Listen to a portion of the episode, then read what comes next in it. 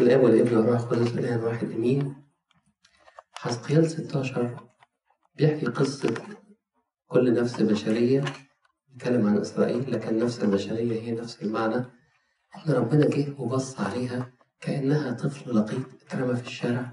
اترمى في الشارع ده كانت السرة لازم تتشال. فالسرة بتاعته ما اتشالتش فضل عريان وملحوز وشكله مقرف فجه المسيح وشاف النفس البشرية كأنها صورة الطفل ده. فراح مع حتى هو عريان ومهتمش إن هو يغطي نفسه. يقول لك عريان أو عريان. يعني عريان وساب نفسه كده. وقال لها عيشي عيشي كده بنفسك عيشي بدمك يعني عيشي. في العالم زي ما الناس كلها بتعيش. تخبط في بعض وتتخانق وتاكل وتشرب وتشتغل وتموت تعيش وبعدين جه في وقت قال لها أنا رغم إن أنا شفت إنك وحشة قوي لكن أنا بحبك. وده هينقلنا للنقطة الأولية اللي هتكلم فيها إن المسيح يحبنا ونحن خطاة. وبعد ما خدها النفس البشرية خدها ونظفها وحماها وشيكها وابتدت تكبر وابتدت تبقى حاجة كبيرة. وبعد ما يبقى الواحد حاجة كبيرة المفروض يقول له إيه اللي عمل فيه كده؟ يقول له شكرا. ده أنت يعني صاحب فضل علي. للأسف البشرية ما عملتش كده وتنكرت لي. وكأن صدقت إن هي الجمال ده من عندها. بيشرح الكلام ده في إصحاح 16 بس أنا بقوله بطريقة أبسط بدل ما نخش في تفاصيل. لكن أنا يهمني التطبيقات اللي على بعض الجمل. يعني الجملة اللي بتقول فمررت بك ورأيتك وإذا زمنك زمن الحب مررت بك ورأيتك رأيتك دي تساوي في سفر الأعمال في سفر في رؤيا لما يقول له أنا عارف أعمالك. المسيح ده اللي هو عليه كشف كل الأسرار يقول له أنا عارف أعمالك. أنا عارف أعمالك دي الواحد لما يسمعها واحد من واحد هيفرق. الإنسان اللي بيعمل خير في الخفاء والإنسان التقي والمسيح يقول له أنا عارف أعمالك كان تواضعا الإنسان الشرير اللي عامل مصايب سودة يقول له أنا عارف أعمالك يعني يا نهار أبيض. يعني كل شيء عريان ومكشوف قدامه. دي بتفكرني بقصة كان قالها سيدنا أبو أنطوني ربنا يديله الصحة إنه في واحد دخل محل أو مول صغير كده فاكره يعني مفيش فيه كاميرات.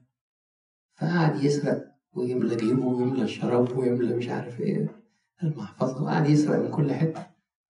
ويبص يمين شمال متأكد شكلها مفيش كاميرات. جه على الباب قال له طب بس ممكن وعامل نفسه شاري حاجة صغيرة كده عشان يعني يعدي. قال له لا بس ممكن الأوضة اللي على جنب دي طلع الحاجات اللي معاك. لهم حاجات إيه؟ هو في إيه؟ قال له طب بص الأوضة دي. دخلوه في أوضة تانية. كل الناس قاعدة فاتحة كمبيوترات ومجموعة من العاملين قاعدين شايفين كل حاجة وبيصوروا كل حاجة. قالوا الناس دي شافت كل حاجة وبتصور. تحب نعرض لك الشرايط لو نقلنا على اللي بيحصل عندنا شوفوا السما قاعدة تراقبنا وإحنا بنعمل حاجات كتير محدش شايفها. في رأينا عاملين زي الطفل اللي بيخبوا نفسه كده يقول لك أنا محدش شايفني أهو. لكن السما قاعدة شايفة وبتراقب وبتسجل وكله ريكوردد يعني. فالمسيح يقول لك مررت بك ورأيتك يعني أنا عارف كل حاجة عارف كويس جدا. اوعى تفكر إن أنا مش عارف إن أنت وحش هتقول طب أنت بتحبني على إيه؟ هو أنا أعرف يعني لو أنا أستاهل إن أنت تحبني دي نقطة كويسة. لكن لو أنا أنت شايفني ما أنت عارف كل حاجة بقى إيه اللي بتحبني؟ الحقيقة المسيح طول عمره بيحب البشرية مش علشان هي كويسة. بيحبنا عشان إحنا اولاده وإحنا خلقته. في سفر التكوين. في قصتين حصلوا مع إبراهيم ومع إسحاق الاتنين متشابهين. إبراهيم اتجوز سارة وبيحبها وحصل مجاعة فنزل إلى أرض مصر يقول لسارة هنقول إن إحنا إخوات. وفرعون هم قاعدين على المداخل أول ما يلاقوا واحدة جميلة داخلة يدوها هدية للملك. فيعني ما يجراش حاجة يعني لما تعيشي مع الملك شوية المهم يدونا أكل. طبعا عشان كده يمكن الكنيسة اختارت في في في تكليل الزواج تقول كما كانت سارة تقول له سيدي يعني لسه بتحترمه قوي بالرغم منه إن هو عامل فيها عاملة وحشة قوي بيتاجر فيها. فلما حصلت مجاعة ما قالش فجه فراح يقرب ليها أبي فرعون أبو الملك ساعتها فراح آه، البيت اتضرب بضربات. القصة حصلت مرتين يعني إبراهيم كرر الخطأ مرتين البيت اتضرب بضربات ومرة جالها معاق فراح يقول له ما قلتليش ليه؟ قال أنا خفت. قال له طيب والأخ اللي عندي ده؟ قال له ربنا بتاعك قال لك أنت تصلي لي عشان العقم يروح. هذه الحتة اللي أنا عايزها يعني مش مهم تفاصيل القصة. أنت تصلي لي عشان العقم يروح. تصوروا بقى مشاعر إبراهيم لما يقول له هو ربنا قال لك أنا اللي اصلي لك بعد اللي عملته ده؟ ده أنا كنت فاكر بعد اللي أنا عملته ده إن ربنا بتاعي مش عايز يشوف وشي. ودايما الشيطان يهمس وزن كل خاطئ يقول له ده أنت أحسن حاجة ما توريش وشك لربنا ده اللي حصل مع يهوذا وراح موت نفسه. ده أنت بعد عمايلك دي يعني أحسن حاجة ما... اوعى تتناول ده نور ونور اوعى تقرا يعني. لكن فكر ربنا مسكين. أنا رغم إن أنا شايف إنما نفسي تيجي تقول لي أنا غلطان. دي رجعني قصه ثانية أنا بحبها. يمكن رمزية. واحدة تيتا كده غنية وقاعدة في الشرفة بتاعتها وعندها أطفال. فطفل آه، راح آه، شايل مجموعة أطباق بينقلها من ترابيزة لترابيزة في الجنينة وكل الصحون اتكسرت. قال يا نهار أبيض تيتا هتبهدلني. طفل. فراحت الشغالة قالت له بص أنا مش هقول لها خلاص. قال لها طيب. تاني يوم جت قالت له بص أنا مش قادرة أنظف البيت. تنظف البيت مكاني ولا لأ؟ قال لها لأ. قالت له خلاص هقول لتيتا بقى على موضوع الصحون. فالواد يا عيني بقى طفل بقى ينظف الصحون شغلته كده أسبوع الواد زهق. فراح قالت له أقول لتيتا ولا تنظف البيت؟ ينظف البيت. بعد أسبوع بقى قال لها بصي أنا هروح أقول لتيتا. ما ما أكتر من كده. فجري على تيتا قال لها تيتا أنا عملت عامله وحشة. قالت له إيه يا حبيبي؟ قال لها أنا من أسبوع كنت بنقل الصحون والصحون وصلت قالت له أيوه يا حبيبي أنا كنت قاعدة في يعني في الحجرة فوق وشايفة كل حاجة من الشباك. اللي أنت عارفة؟ وأنا اللي بقالي أسبوع بغسل البيت وأنظف المواعين. وتطلعي أنت عارفة؟ إيه هو ده؟ القصة كانت رمزية بس عايزة تقول إيه؟ إن أوعى تفكر إن ربنا عشان شاف ضعفاتك أحتقرك. ده بالعكس بيقول إبراهيم أنت تصلي له. نفس القصة حصلت مع إسحاق. إسحاق كان حصلت مجاعة. فراح ربنا قال له ربنا كلمه بنفسه قال له ما تخرجش لأرض مصر. اوعى تعمل زي ما إبراهيم قال. طيب خليك في أرض جرار. قال له حلو قوي. فراح برضه عمل نفس العمل. راح قال لملك جرار دول الناس هيبصوا على مراتي فالأحسن أقول إنها أختي. زي ما أبو إبراهيم عمل بالظبط. وقال حصل نفس القصة. ملك جرار طلعوا كويسين جدا عكس ما هو متوقع. وقال له أنت ليه ما قلتليش إنها أختك؟ قال له ما أنا خفت. قال له طيب لا ده أنا هوصي الناس كلها ما حدش يقرب ليه ما دام دي مراتي طلعوا ناس محترمين مع إنهم مسالين لكن يعني ما تعدوش عليه. الجميل بقى إن هو زرع في أرض جرار فبارك الرب له 100 ضعف. يعني هو كان متوقع بعد العملة دي إن ربنا يسحب البركة منه وإنه بقى إيه يقول له أنا بطلت أحبك. أنا كنت بحبك لغاية ما عملت العملة دي. وما اتعظتش من اللي حصل مع أبوك إبراهيم ونفذت نفس القصة. أنا كنت بصراحة هبطل أحبك. الحقيقة إن ربنا ما بيبطلش يحبنا. لما يقول لك زمن الحب على طول ربنا بيحبنا. بيحبنا ونحن خطاة وإحنا في عمق الخطية بيحبك آه المسيح آه في قصة في العهد القديم كان واحد اسمه القانا متجوز اتنين. واحدة اسمها حنة وواحدة اسمها فنانة فنانة دي غير الفنانة اللي أنتوا عارفينها. يعني هي اسمها غير. مش مهم معاني الأسماء المهم يعني فنانة بقى دي كانت بتغيظ حنة. كانت بتخلف والتانية ما بتخلفش. فرايحة جاية تغيظها. تقول لها أي بيني حمل تاني. أنا عارفة ربنا ليه بيديني ولاد كده يعني شغل. كده. كانت تقول ها عشان تغيظها وكانت التانية تبكي وجوزها متغاظ ويطبطب عليها ويطلعوا يروحوا القدس كل سنة. كل سنة تكرر نفس الفيلم بس الميزة الجميلة فيها إن مش السنة جاية تقول له أنت فاكر اللي حصل السنة اللي فاتت؟ لا مش رايحة السنة دي. إحنا عندنا لو خدنا موقف وحش حصل فاكر لما زرناهم السنة اللي فاتت وما انبسطناش مش مش هنزورهم تاني أبدا. لا تزور اللي أنا عايز أوصله من القصة دي إن كان حنين عليها جدا على فكرة كون إنها ما تخلفش دي مشكلة كبيرة عند اليهود. معناها إنها عار مش بس على نفسها عار على جوزها. يعني دي كأن كأن ملعونة كأن ربنا مش مبارك البيت ده لأنهم كلهم كانوا معتقدين إن المسيح هيجي من من نسل. فاللي مش عايزة تخلف ربنا مش راضي يديها فرصة إن المسيح يجي منها. فما المسيح مش هيجي منها تبقى لعنة ملعون فهو جوزها المفروض إنه يكون مكسوف منها. المفروض يعني إيه التانية دي كويسة. إنما بيحبها في الأنصبة بتاعة الذبايح يديها ضعفين. طب دي جايبة لك العار لا بس أنا بحبها. بحبها بالرغم من إنها جايباني العار وهو ده نفس الموقف اللي إحنا فيه. المسيح بيحبنا بالرغم إحنا جايبين له الكلام. كل تصرفاتنا هم دول المسيحيين هم دول ولاد ربنا ومع ذلك بيحبنا. بيحبنا على إيه؟ مفيش فينا حاجة تتحب. أكتر من كده في العهد القديم كان في واحد اسمه شمشون. اسمعوا عنه طبعا. كان ربنا مبارك في قوته العضلية وكان في العهد القديم لما ينتصر على أعداء شعب الله هي دي دوره إنه يخلص شعب إسرائيل من الفلسطينيين في ذلك الوقت. فشمشون ده رجل الله مكرس. لما تقروا كويس في قصته بدون دخول تفاصيل فيها كل ما يشوف واحدة يجري وراها طب ينفع رجل الله المكرس كل ما يشوف واحدة يجري وراها؟ وهو عارف إنه أساسا مش المفروض يتجوز إلا من شعب الله يوم يحب يتجوز هو بيتجوز وثنيات وفي الآخر جت قصة دليلة كملت عليه. طب ربنا ده بيحبه. شوفوا في قصة دليلة بس. تيجي تقول له قول لي أنت إزاي أموتك؟ يوم يقول لها أي حاجة. تقول له خلاص وتربطه. تقول له يلا الأعداء عليك. يجي يقوم. ربنا يسيبه؟ لا. القوة لم تفارقه. فتقول له لا. تاني مرة تقول له أنت ضحكت عليا. قول لي بقى قول لي إزاي؟ يقول لها أي حاجة. يجي يقوم وربنا ما بيفرقوش تخيلوا واحد رجل الله مكرس عايش مع واحدة وعمال يلخبط والدنيا كلها بايظ والله لن يفارقه رغم الضعف البين اللي هو فيه. باين يعني الموضوع مش محتاج حاجة. طب يا رب فرقه بقى. لما لقاه مصر وأباح بسره قام فرقه.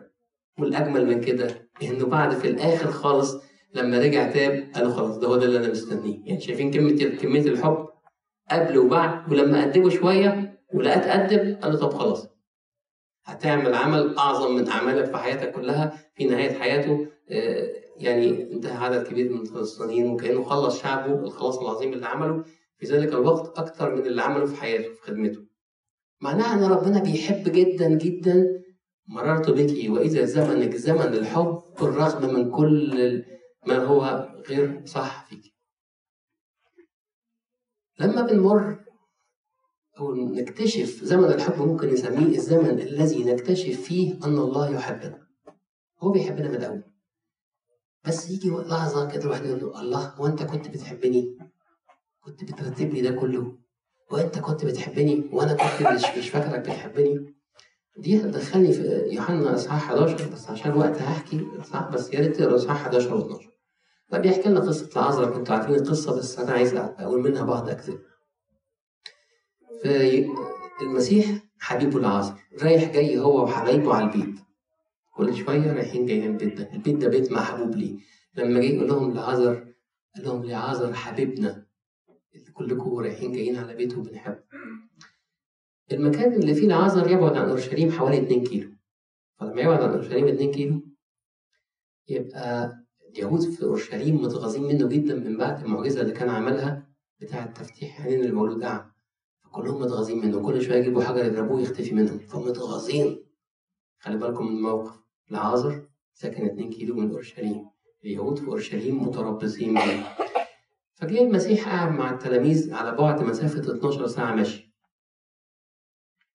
وابتدى يقول لهم لعازر حبيبنا ووصلوا له الرسالة لعازر مريض مريم ومرسى عارفين قد إيه المسيح بيحبهم وهم بيحبوه وعشمانين فيه قوي.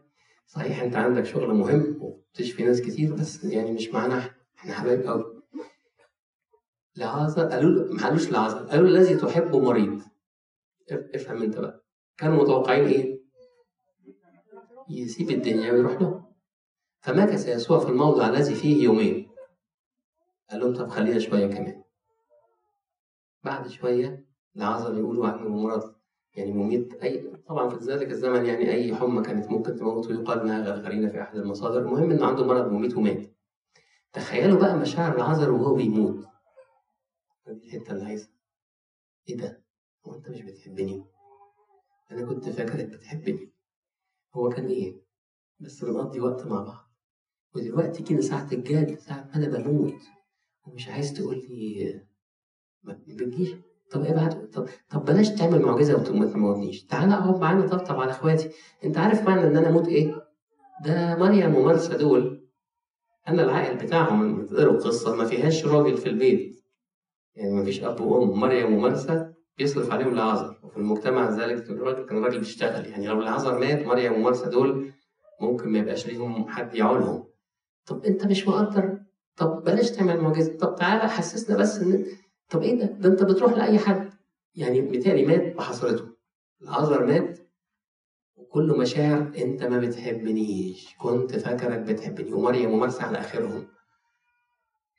طلع بس ما بيحبنيش.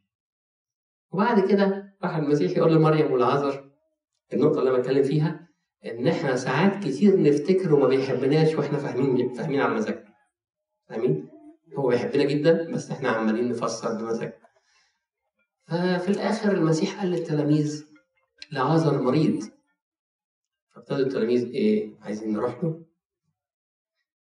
يعني أوعى أوعى تكون بتفكر نروح هناك، لو هنروح هناك الموقف هناك إيه في اليهوديه واورشليم؟ مستنيانا ومش خايف على نفسك خاف علينا.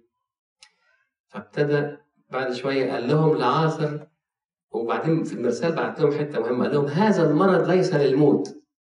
فلعازر وصلته الكلمة هو وأخواته المسيح قال هذا المرض ليس للموت ليتمجد الله. هم قالوا خلاص يبقى هتعدي إن شاء الله، بعد شوية طلع مش هتعدي وطلع لعازر مات. وقدام التلاميذ قال لهم هذا المرض ليس للموت وبعد شوية محدش فاهم حاجة فراح يقول لهم إيه؟ آه مريض بعد شوية لعازر حبيبنا نام. قالوا له نام طب نوم العافية كويس قوي يبقى هو يخف. ما هو ما دام نام يبقى هيخف. قال لهم يلا نروح عشان ننقذه. ننقذه إيه؟ وتبقى مفاجأة جميلة لما يصحى يلاقينا كلنا حواليه في السرير. إنما يعني أنت ما رضيناش نخاطر بنفسنا ونروح وهو عيان. دلوقتي هنروح بس عشان نصحيه؟ قال لهم أنتوا مش فاهمين. مات. عشان تفهموا بلغتكم لعازر مات. لعازر مات. ف قالوا نروح؟ التلاميذ قالوا نروح نعمل إيه بقى؟ خلاص مات. فراح توما بيت يعني بطريقة كده اندفاعية قال لهم إيه؟ نروح بقى ونموت كلنا وراء يعني الظاهر المعلم بتاعنا مش مقدر إن مروحنا هناك خطر عليه وعلينا. فلنموت كلنا مع المسيح وكأنه تنبأ من غير ما يقصد إن فعلا كلنا هنموت مع المسيح. بس هم رايحين مش عاجبهم. ولما راحوا عند العازر راحت طلعت له مريم أو مرسى في الأول وبعدين مريم وعتاب. لو كنت هنا لم يمت أخي الاثنين قالوا نفس الكلام. لو كنت هنا ما كانش حصل اللي حصل ده بس مكسوفين. بس طبعا انت ما بتحبناش يعني أو كنا فاكرينك بتحبنا لكن جيت ساعة الجد وما لقيناكش. مشاعر كلها كده. أنا كنت فاكرك بتحبني لكن أنت جيت دلوقتي ووريتني إن أنت مش بتحبني. قال لهم طب وروني هو فين؟ قالوا يمكن عايز يعيط على القبر خدوه. أنا بحكي باختصار يعني الموضوع ده ممكن يدرس أكتر من كده بس أنا عايز منه حتت معينة. وقف عند القبر. وطبعا عشان يلمسوا اليهود القبر يلمس واحد ميت يتنجس قال لهم ارفعوا الحجر ارفعوا الحجر دي. ده قبر بقى مش واحد ميت ما ينفعش. هتنجس قد إيه؟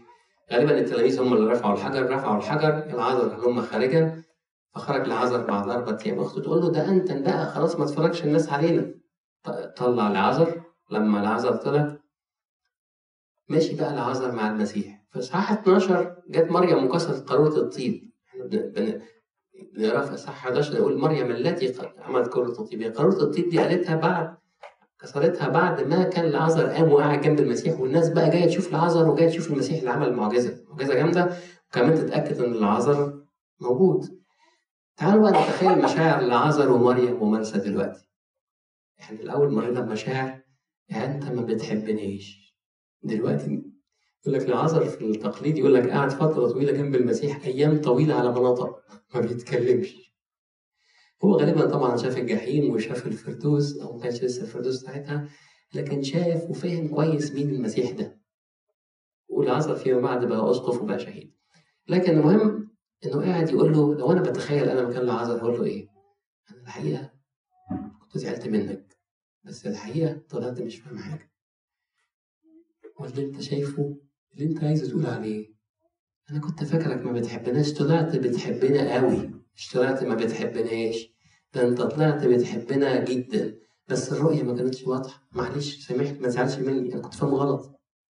هو ده نفس الموقف اللي بيحصل معانا لما ربنا يشد علينا أو يتأخر أو أو أو. نقول له أنت ما بتحبناش. طب مرني بالتجربة دي هم اللي ماشيين معاك هم اللي تتقل عليهم التجارب والناس الكويسين عايشين مبسوطين.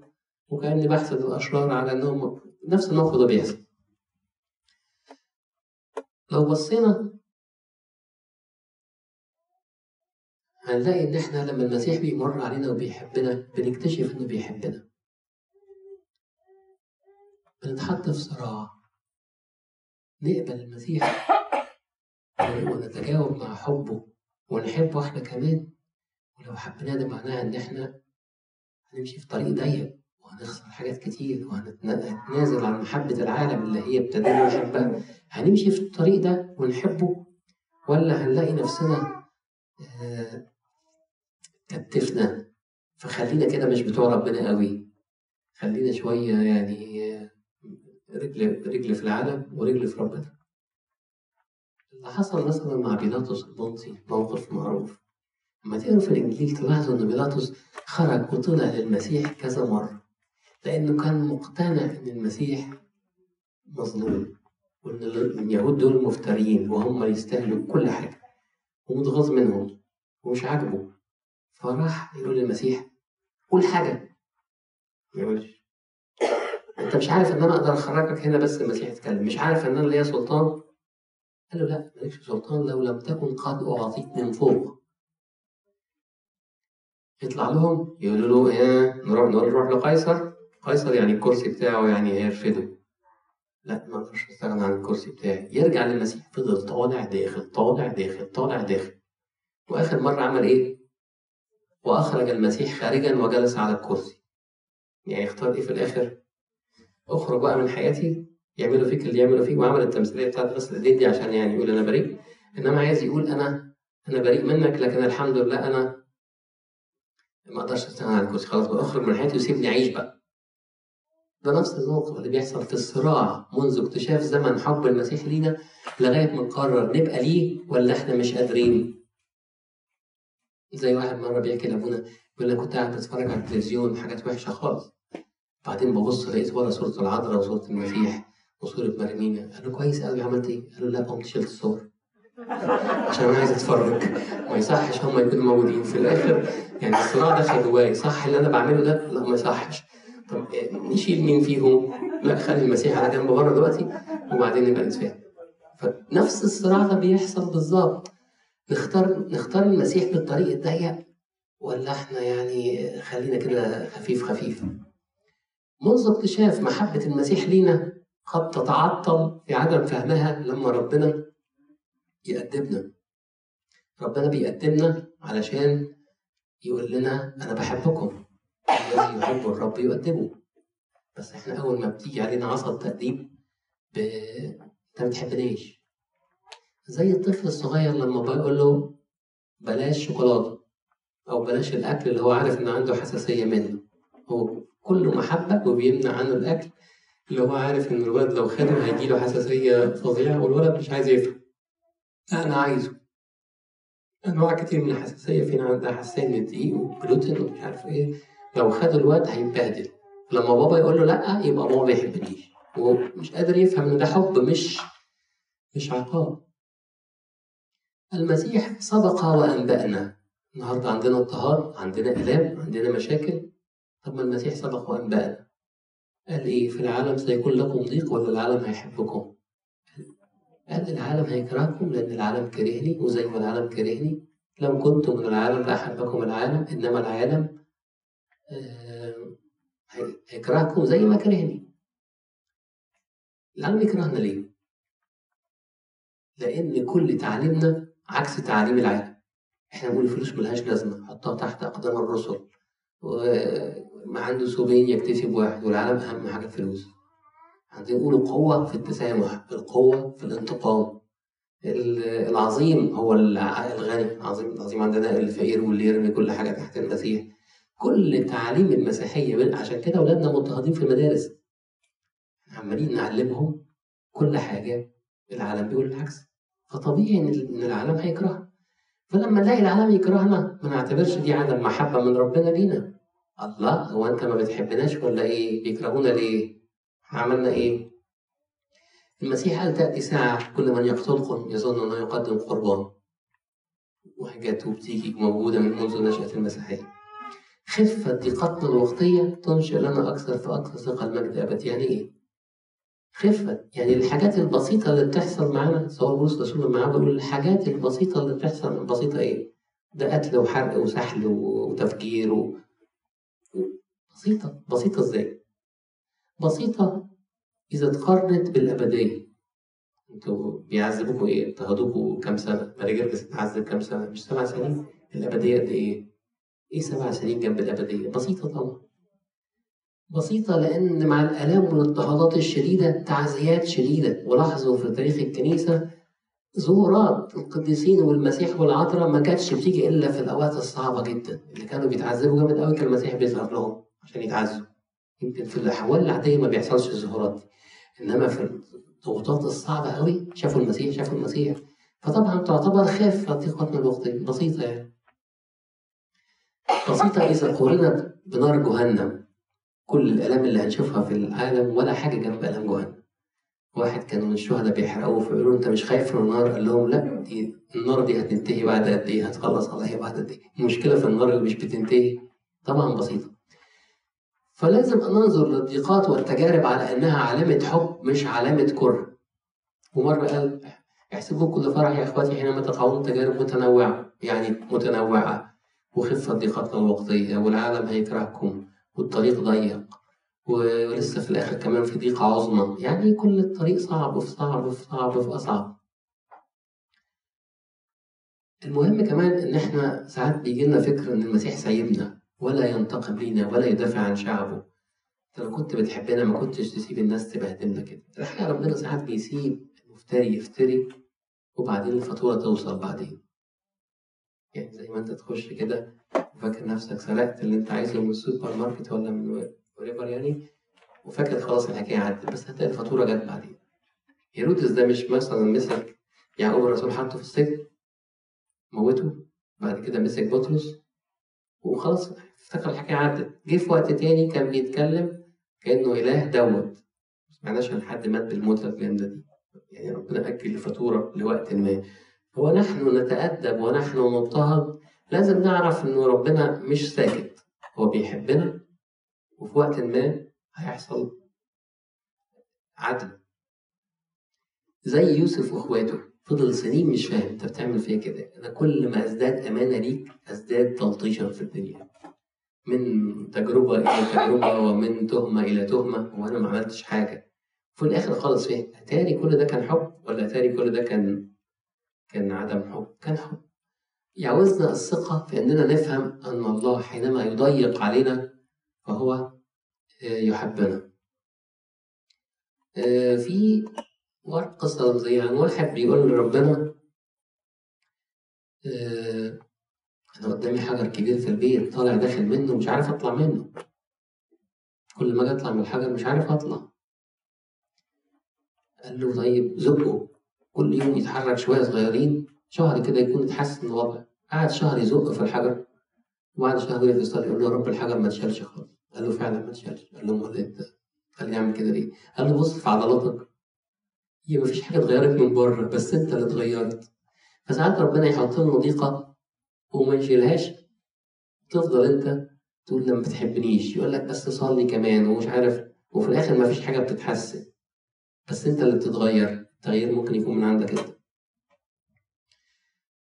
آه، أحيانا الله يتدخل مش بس ينتقم بالطريقة اللي ذهننا ولكن ينتقم مثلا زي مشاول بقى بولس الرسول انتقام.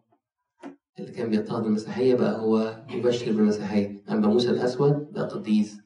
ريانوس ولي أنصنة ده كان بيعذب المسيحيين ويتفنن بقى شهيد.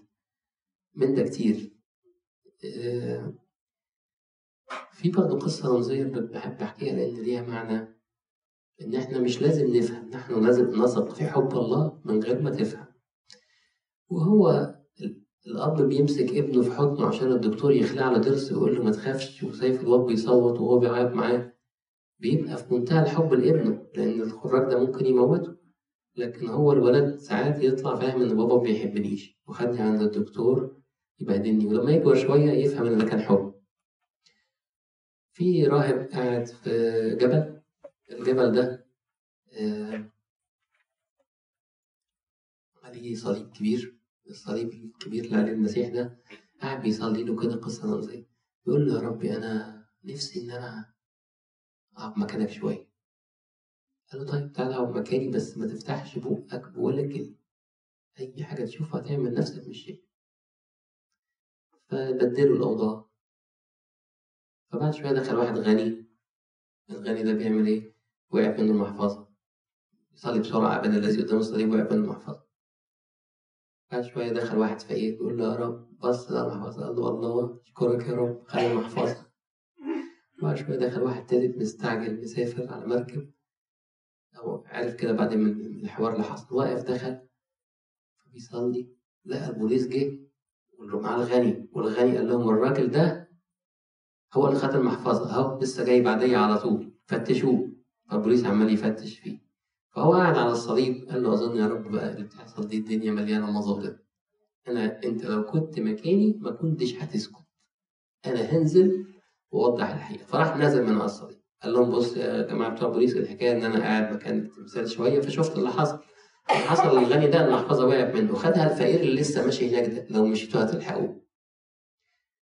والراجل ده الراجل قال لهم أنا مستعجل وعايز أسافر. أو خلاص خلاص أنت مالكش دعوة يلا اتفضل سافر.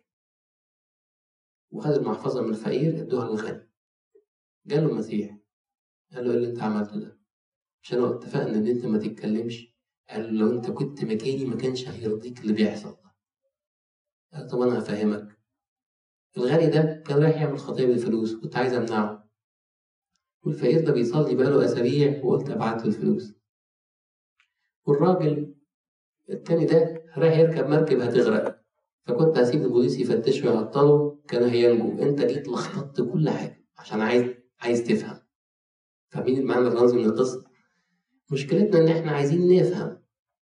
ما بيبقاش في ثقة. أنت ما بتحبناش انت أنت ما بتأدبنا ليه؟ أنا ليه جرالي التجارب دي كلها والناس التانية عايشة كده؟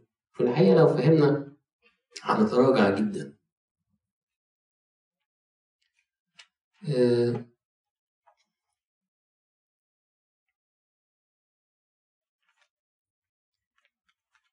حسقيال 16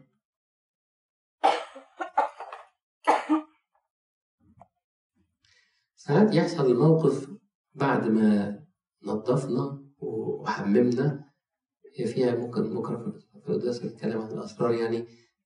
المهم دخلنا في المعمودية وإحنا كنا بعيد عن ربنا وخدنا من شعبه وكده إننا نبقى أولاده.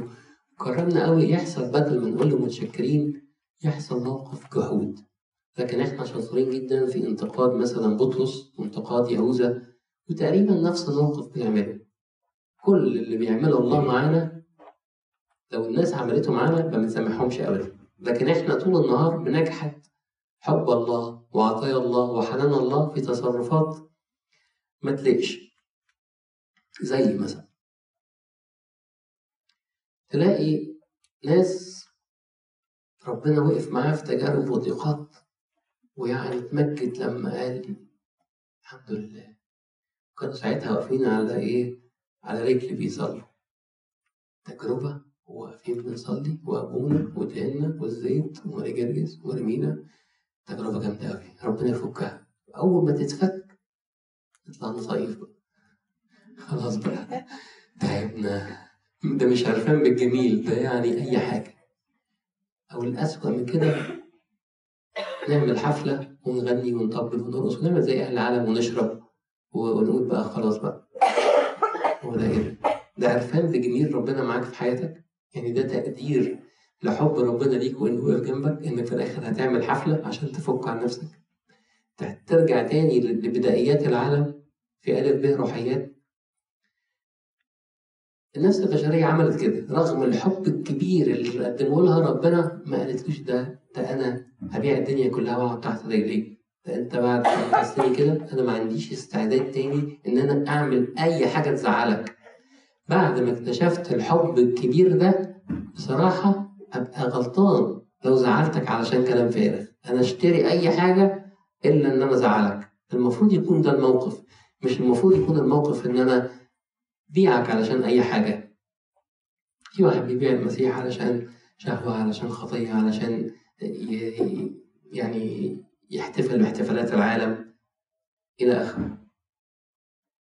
آه كمان مش هنعرف نحس كده إلا لما تكون عينينا على المكافأة.